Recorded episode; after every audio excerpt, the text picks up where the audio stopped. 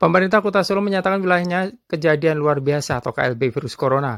Pemerintah kota juga mengeluarkan berbagai kebijakan untuk mengantisipasi penyebaran virus tersebut. Pemerintah Kota Solo langsung melakukan koordinasi Jumat malam pasca salah satu warganya yang berstatus suspek meninggal di Rumah Sakit Dr. Mardi Solo dan hasil laboratoriumnya dinyatakan positif COVID-19. Rapat koordinasi dilakukan di rumah dinas wali kota Solo dengan berbagai instansi terkait antara lain dinas kesehatan, dinas pendidikan, camat, lurah, dan organisasi perangkat daerah lainnya.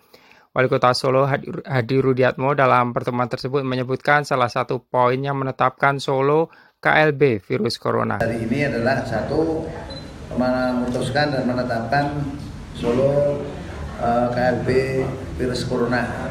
KLB apa ya? KLB KLB virus corona dan setelah ditetapkan sebagai KLB corona tentunya kita mengambil langkah-langkah. Langkah yang pertama akan Free libur. Sampai? Sampai batas waktu yang belum ditentukan. Yeah. menghindari banyak kumpulan dari warga masyarakat untuk harus dihindari. Yang kedua sekolah SD SMP eh, kita liburkan SMA apa? Dan madrasah.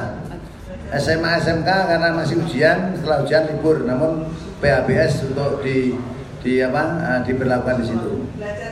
Belajar di rumah, bukan diliburkan.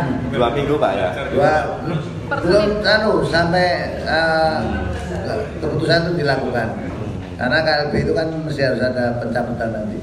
Suratnya sudah diputuskan hari ini, besok pagi sudah kita keluarkan itu.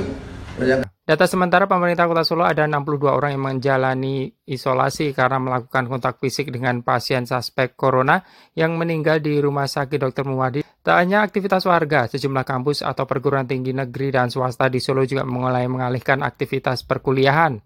Rektor Universitas 11 Maret atau UNS Solo, Profesor Jamal Wibowo mengatakan perkuliahan model tatap muka di kampus akan digantikan sementara dengan model kuliah online. Soal hubungan dengan KLB khususnya KLB yang eh, berkait dengan virus corona dan eh, COVID-19. Yang pertama yang kami informasikan adalah eh, kami Sivitas Akademika UNS mendorong eh, seluruh dosen, mahasiswa, dan tenaga kependidikan untuk mempraktekkan dan membudayakan pola hidup sehat sesuai dengan anjuran dari Kementerian Kesehatan. Yang kedua, eh, kami meminta dalam sistem pembelajaran untuk eh, terhitung sejak 16 Maret hari Senin sampai 14 hari ke depan tanggal 28 Maret maka tidak ada kuliah tatap muka tetapi sistem pembelajarannya dilakukan dengan sistem daring atau sistem pembelajaran melalui online. Dari Solo, Jawa Tengah, Yudha Satirawan melaporkan untuk VOA Washington.